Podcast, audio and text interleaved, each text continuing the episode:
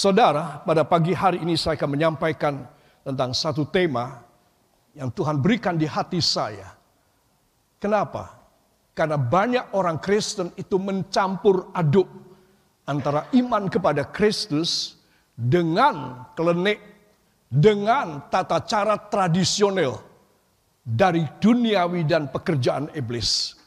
Saudara, itu berbahaya. Mungkin si orang Kristen ini punya pikiran, ah cuma satu kali saja kok. Ya, cuma pada saat kematian ini saja kok. Lain-lain enggak. Cuma pada saat perkawinan ini saja. Atau cuma saya pas pindah rumah saja kok. Setelahnya enggak. Saudara, saya beritahu sekali itu sudah menjatuhkan hukuman bagi saudara. Itu sebab firman ini harus saudara terima dalam hidup saudara untuk saudara dilarang diapain? Dilarang untuk saudara mencampur adukkan iman dengan klenik, dengan mistik, perdukunan barangkali, paranormal barangkali, tata cara duniawi nenek moyang saudara, saudara, saudara tidak boleh melakukan.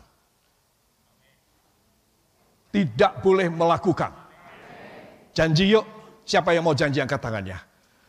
Taruh tangan kiri pada jantung saudara. Tuhan Yesus, teguhkan iman hamba. Supaya hamba tidak mencampur aduk. Iman kepada Kristus. Dengan tata cara dan adat istiadat. Dari kepercayaan dan dunia. Dalam nama Yesus. Engkau melindungi hamba.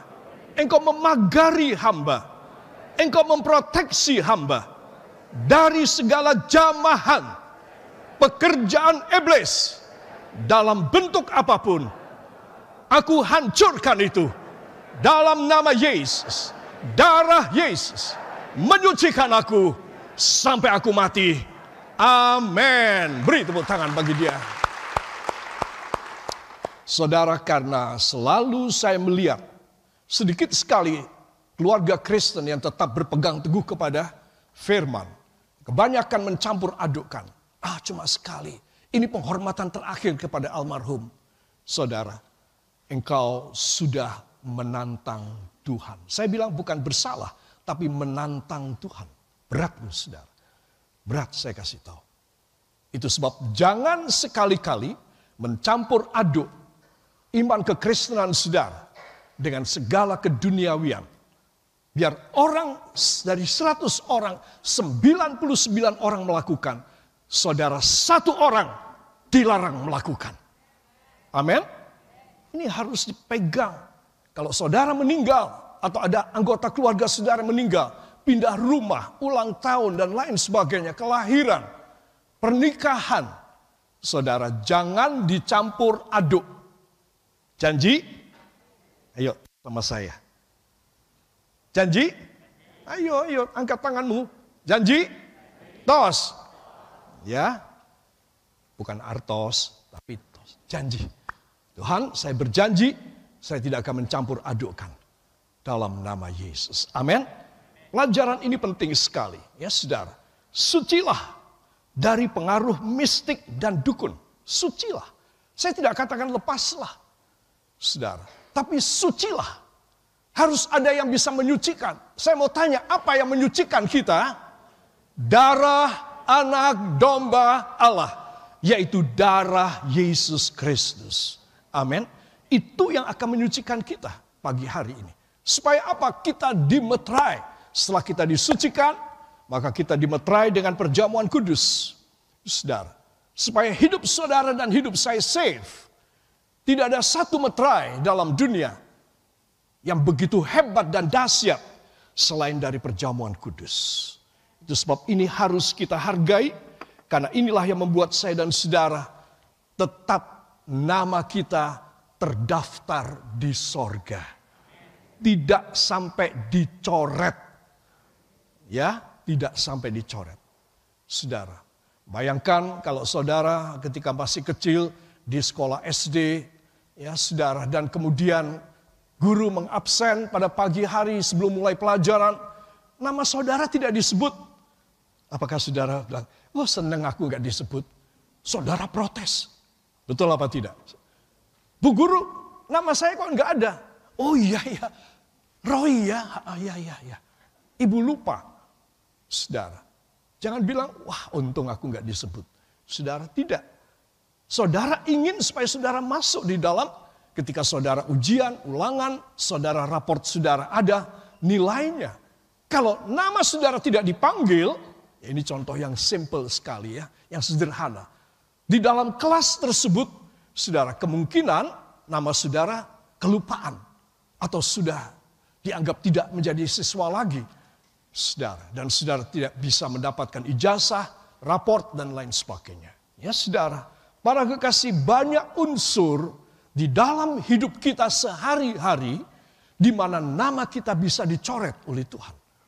Salah satu unsur yang paling fatal yaitu kalau kita mencampur aduk iman kekristenan dengan mistik dan perdukunan. Saudara, Orang Kristen dilarang datang ke dukun dan dilarang ke mistik. Orang Kristen harus teguh hanya kepada Tuhan Yesus Kristus. Inilah Allah yang mempunyai nama di atas segala nama. Yang di mana kesetiaan, ketaatan Yesus kepada Bapa yang mengutus masuk dalam dunia sampai pada akhirnya dan mati di kayu salib kata Filipi 2 ayat 9, 10 dan 11 sehingga Bapa mengaruniakan kepada Yesus Kristus nama di atas segala nama. Siapa namanya? Tuhan Yesus Kristus. Supaya dengan nama ini semua lutut di bumi manusia, di bawah bumi setan dan di atas bumi para malaikat tunduk dan menyembah di hadapan nama Yesus. Namanya saja sudah dahsyat, apalagi orangnya. Saudara, itu sebab saya dan saudara harus tahu, itu nama, itu iman, gak boleh dicampur. Harus absolut dan solid kepadanya saja. Tidak, aku tidak mau cara. Cara kamu silahkan. Caraku tidak begitu. Amin. Berani begitu? Berani begitu? Kalau ada yang kematian di rumah saudara, ada yang berani demikian, harus berani. Saudara tidak usah pakai tata cara dari orang lain punya. Engkau mempunyai tata cara sendiri. Ketika saudara meninggal, maka saudara masuk dalam kerajaan sorga. Jangan diganggu dengan engkau mencampur adukkan segala macam tata cara duniawi, adat istiadat nenek moyangmu, saudara. Karena itu akan menghambat orang yang mati ini untuk tidak masuk dalam sorga. Saudara. Dan ini menghambat berkat bagi yang masih hidup. Saudara. Jadi ini penting sekali ya, saya perlu menegaskan hal ini. Jangan campur iman kekristenan dengan mistik, tradisional, dan nenek moyang. Engkau hanya mempunyai Yesus Kristus saja. Dan engkau mempunyai warga negara sorga. Amin. Haleluya. Siapa yang bertaat, bertekun, dan nurut, berkatnya adalah masuk ke sorga. Jadi berapa puluh kali saya bilang, masuk ke sorga bukan hanya percaya, dibaptis, masuk sorga. Bukan hanya itu. Buat apa ini buku tebal ada? Saudara, ada banyak syarat di situ. Saudara, jadi itu sebab kita harus menjadi orang Kristen yang modern dan canggih. Katakan, saya harus menjadi orang Kristen yang modern dan canggih. Yang up to date dengan firman. Mungkin saudara berkata firman ini kan kuno banget. Iya, tetapi dia adalah firman Allah. Setiap tahun, setiap hari, pada masa, zaman, ataupun kebudayaan, di negara, di bangsa, di bahasa apa pun, hari demi hari selalu update. Saudara, itu sebab saya dan saudara harus memilikinya. Jadi peraturan tidak boleh nyampur orang Kristen dengan mistik dan dengan perdukunan, dengan kuasa gelapan. Ini dari zaman dahulu kala sampai Tuhan datang lagi yang kedua kalinya. Para kekasih ada empat buah ayat yang akan kita baca. Kita akan bangkit berdiri sekali lagi dan kita akan membaca 2 Tesalonika 2 ayat yang ke-9 sampai ayat yang ke-12. 2 Tesalonika fase yang kedua ayat 9 sampai 12. Satu, dua. Kedatangan si pendurhaka itu adalah pekerjaan iblis dan akan disertai rupa-rupa perbuatan ajaib, tanda-tanda, dan mujizat-mujizat palsu dengan rupa-rupa tipu daya jahat terhadap orang-orang yang harus binasa karena mereka tidak menerima dan mengasihi kebenaran yang dapat menyelamatkan mereka. Dan itulah sebabnya Allah mendatangkan kesesatan atas mereka yang menyebabkan mereka percaya akan dusta supaya dihukum semua orang yang tidak percaya akan kebenaran dan yang suka kejahatan. Amin. Terima kasih, silahkan duduk kembali. Para kekasih, wah tegas banget ya. Gak ada kompromi kelihatannya ketika kita membaca ini. Kedatangan si pendurhaka itu siapa? Si pendurhaka adalah antikristus. Siapa si pendurhaka? Antikristus. Jadi antikristus adalah musuh daripada Kristus. Datangnya adalah apa? Kedatangan si antikristus itu adalah pekerjaan iblis. Terus kita tahu sebelum Tuhan datang, iblis yang sudah dikalahkan oleh Tuhan berusaha dengan muslihat tipu daya dan kekejiannya, kemanisan godaannya untuk menjatuhkan orang-orang pilihan supaya ketika hakim di atas segala hakim, turun di angkasa dan mengadili orang hidup dan mati, saudara, ketika itu iblis sudah meraup banyak jiwa lebih dulu. Sebelum Tuhan datang, dia ingin meraup sebanyak-banyaknya orang. Kalau bisa seluruh dunia pada masa itu. Masuk dalam neraka. Saudara, dengan cara bagaimana? Dengan cara dia menunjukkan mujizat, tanda-tanda ajaib, dan perbuatan-perbuatan yang palsu. Mujizat saudara, orang mati bangkit. Ya, orang tuli, orang buta, orang tidak punya tangan, tiba-tiba muncul tangannya. Iblis melakukan itu, antikristus melakukan itu. Saudara, dia bisa menurunkan api, hujan dari langit. Dia bisa membelah tanah. Sehingga orang-orang kagum dan percaya ini Kristus ini. Padahal antinya Kristus. Musuhnya Kristus. Kenapa sih Tuhan membiarkan itu bakal terjadi? Saudara, ayat ini begitu eksplisit dan jelas memberitahu. Karena Tuhan satu menghargai orang yang bakal masuk ke sorga. Inilah kelompok orang yang dijaga tidak akan terkena tipu daya iblis. Tetapi karena ada sekelompok besar orang yang tidak bisa menjaga harkat dan martabatnya sebagai anak-anak Tuhan dan mereka hidup di dalam dosa, mereka hidup dalam kegelapan, mereka mencampur aduk dengan mistik dan perdukunan dan black magic. Tuhan menyerahkan mereka supaya mereka ini percaya kepada kebohongan. Percaya kepada apa? Kebohongan. Kepada kepalsuan. Yang dilakukan oleh siapa? Oleh antikristus. Karena apa? Karena sekelompok besar ini memang Tuhan sudah tentukan untuk masuk ke dalam neraka dengan alibi. Dengan kasus beli bahwa mereka melanggar firman. Mereka tidak mau taat kepada firman.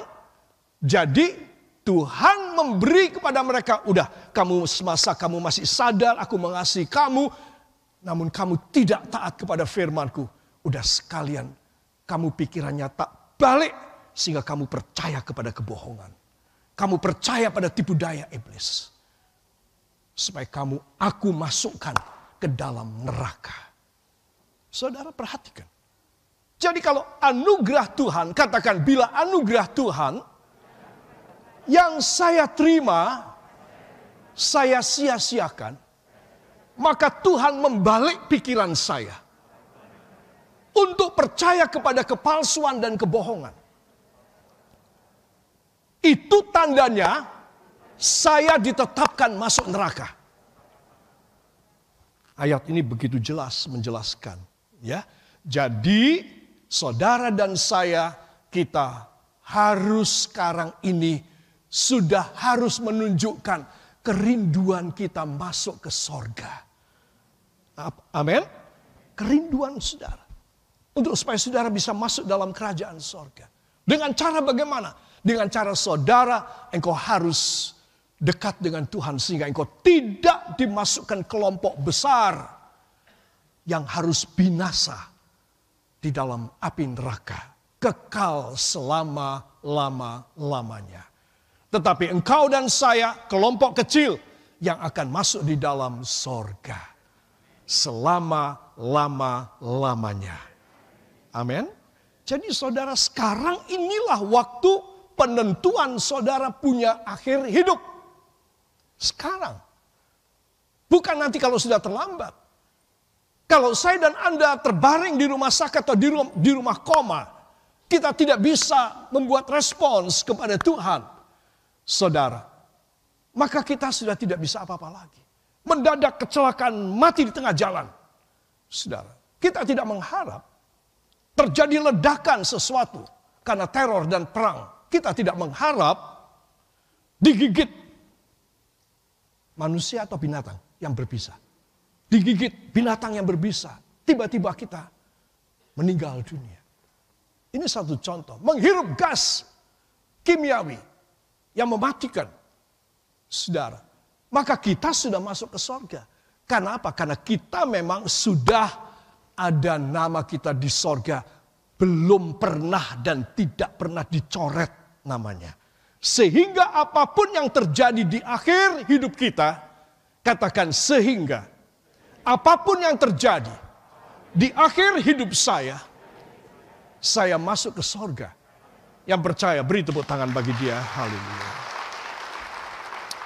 Saudara ayat yang ke-10. Dengan rupa-rupa tipu daya. Katakan dengan rupa-rupa tipu daya. Terhadap orang-orang yang harus binasa. Saudara, ya jadi iblis itu diberi kelihayan untuk mentrap, untuk menjerat. Jangan lupa, saudara, siapa yang Tuhan izinkan kejerat, kejerat oleh iblis adalah orang-orang yang tidak menghargai korban Yesus. Jadi mereka memang sengaja dilepas pikirannya dirubah sehingga mereka lebih percaya kepada kelenek kepada pekerjaan iblis, rupa-rupa mujizat. Saudara, yang iblis lakukan luar biasa dahsyat. Nah, kalau mereka percaya, mereka langsung menerima tanda antikristus. Angka yaitu 666. Triple six. Saudara. Nah, jadi ini orang sudah ada dalam catatan daftar nama kerajaan iblis. Saudara. Dan ini tidak main-main. Ini bukan legenda. Ini bukan satu dongeng dan ceritaan. Ini bukan cara Tuhan menakut-nakuti kita orang. Tidak. Saudara. Ini adalah cara Tuhan mau menyelamatkan saya. Menyelamatkan saudara. Itu sebab tugas saya sebagai hambanya adalah menyelamatkan saudara supaya saudara di akhir kehidupan tidak masuk di dalam hukuman kekal, namun kehidupan kekal di sorga. Ya, saudara, jadi saudara saya harap jelas. Siapa yang bakal masuk ke neraka adalah orang-orang yang diwalik pikirannya oleh Tuhan. Sehingga mereka percaya kepada kebohongan, pada tipu daya iblis. Siapa orang yang akan masuk ke sorga? Orang yang kuat, tidak bisa ditipu. Orang yang begitu gigih dalam imannya. Saudara, mereka akan masuk dalam kerajaan Allah. Karena Tuhan tidak izinkan iblis menjerat orang-orang ini. Kenapa orang-orang ini dijaga oleh Tuhan? Karena orang-orang ini satu, tuhu dan taat kepada Tuhan, mengasihi Tuhan. Dua, namanya masih tetap ada di dalam buku kehidupan anak domba Allah. Oh kiranya kita ketemu di sorga.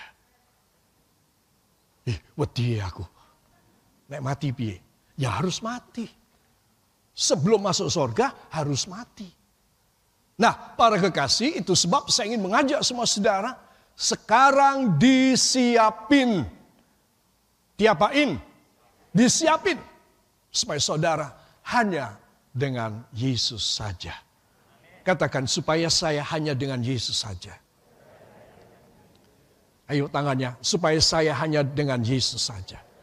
Sampai mati. Sampai bersama dia di sorga. Amin. Haleluya. Ya para kekasih ini adalah pendahuluan saya supaya kita semua boleh sadar ya. Kedatangan si pendurhaka adalah pekerjaan iblis. Ayat yang ke-9 tadi kalimat pertama ya. Kedatangan si pendurhaka itu adalah pekerjaan iblis. Apa sih pekerjaan iblis? Saudara, dalam 2 Tesalonika 2 ayat 9 sampai 12 tadi, yang pertama, keajaiban dan mujizat tanda-tanda yang palsu. Palsu itu bukan tidak nyata loh, nyata saudara. Tetapi palsu itu tidak orisinil. Karena iblis selalu meniru. Dia selalu mengimitasi. Dia selalu meniru dan memalsu. Itu sebab dia memalsu cara Tuhan bekerja dengan mujizat. Dia melakukannya juga. Nah, orang-orang yang sudah ditentukan untuk masuk dalam hukuman percaya kepada mujizat iblis. Melalui siapa? Paranormal, dukun, black magic, dan semua kawan-kawan dan anak cucu buyutnya. Sudah. Itu sebab Anda dan saya harus tahu, ajaib dan mujizat palsu. Tidak usah saudara kepingin mendapatkan bantuan dari pekerjaan mantra, petenung, sihir, perdukunan, persuhuan, dan segala macam cara iblis. Jangan kepengen dapat dari sana. Karena jiwamu menjadi taruhan. Saudara. Itu sebab saya dan saudara perlu menegaskan, karena ini tugas saya sebagai gembala. Kalau sampai saya tidak menegaskan, saya yang dilempar masuk neraka. Nggak mau dong. Bodoh banget. Saudara. Itu sebab saya harus menegaskan hal ini. Supaya saya dan Anda selalu bersama dengan Bapa di sorga. Katakan, ketika masih hidup di dunia, dan ketika meninggal dunia. Beri tepuk tangan bagi dia. Haleluya. Saudara, yang kedua adalah apa? Tipu daya jahat bagi yang harus masuk neraka, saya sudah jelaskan tadi. Tipu daya jahat bagi yang harus masuk neraka. Bagi yang harus masuk sorga, nggak ketipu. Tidak bisa ditipu. Tetapi yang harus masuk neraka, ketipu. Sedar. Nah, jadi di sini kita melihat bahwa Tuhan itu memang menentukan apa yang ada dalam hati kita. Kalau hati kita beriman, kepadanya dan kita tulus dan tuhu kepadanya, kita tidak ditentukan untuk percaya kepada black magic, kepada pekerjaan iblis dan perdukunan. Amin. Jadi kalau saudara masih percaya, wow. Jangan-jangan saudara ditentukan masuk neraka. Saya kasih tahu. Berdasarkan ayat ini. Berdasarkan firman. Itu sebab, katakan itu sebab, saya harus segera berubah channel berubah arah supaya saudara dan saya selamat. Tuhan, kok saya masih percaya kepada agama kepercayaan nenek moyang ya. Saya kok masih mencampur aduk ya Tuhan. Aduh saya sudah ditentukan untuk masuk dalam neraka. Saya bilang iya. Makanya ketika kita masih hidup dan mendengar firman ini, cepat berubah channel. Cepat berubah arah. Saudara. Supaya apa? Supaya saudara selamat. Itu sebab saudara perlu mengerti akan hal ini. Karena tipu daya iblis itu akan membuat orang-orang yang memang sengaja oleh Tuhan dimasukkan neraka besoknya. Nah, sekali lagi saya ulangi, kalau saudara saat ini ada pada situasi demikian, please cepat nyadar. Gak mau Tuhan dalam nama Yesus. Keluarkan hamba dari ketentuan masuk neraka seperti ayat ini. Tuhan lepaskan hamba supaya hamba masuk di dalam sorga. Yang mau beri tepuk tangan bagi dia. Haleluya. Yang ketiga disebutkan, Allah menyesatkan mereka agar percaya pada dusta supaya dihukum. Allah memberikan kepada orang-orang ini kelompok besar yang bakal masuk dalam neraka ini, saudara, kepercayaan kepada dusta kepada kebohongan, kepada trap, kepada jebakan iblis. Percaya, saudara. Sehingga apa? Sehingga mereka tidak mungkin masuk di dalam sorga.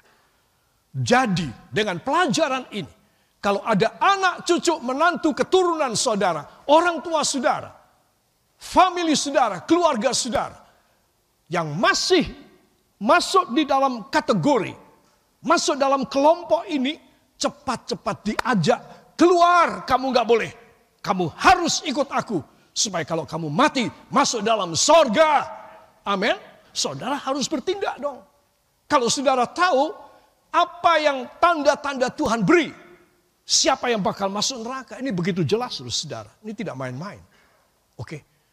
Itu sebab kalau saudara tidak bertindak untuk mengajak anggota keluarga kenalan family, orang yang akrab dengan saudara. Untuk supaya terlepas dari hukuman neraka. Saudara salah. Saudara perlu dan wajib menyelamatkan mereka. Kalau saudara bisa menyelamatkan mereka, saudara menerima pahala saudara. Amin. Bisa mengerti sampai di sini bisa mengerti pelajaran ini? Ya, ini pelajaran antara sorga dan neraka loh saudara. Ya, bayangin ini pelajaran sangat-sangat dahsyat nilainya. Bukan untuk seumur hidup, tapi untuk selama-lamanya kekal. Itu sebab kita harus dipersiapkan. Hanya tujuh orang yang amin. Kita harus dipersiapkan. Ya, supaya kita tidak kena tipu muslihat dari iblis. Karena Tuhan akan menyelamatkan kita dan kita akan selamat di dalam rengkuhan kasih Tuhan. Amin. Tuhan memberkati saudara.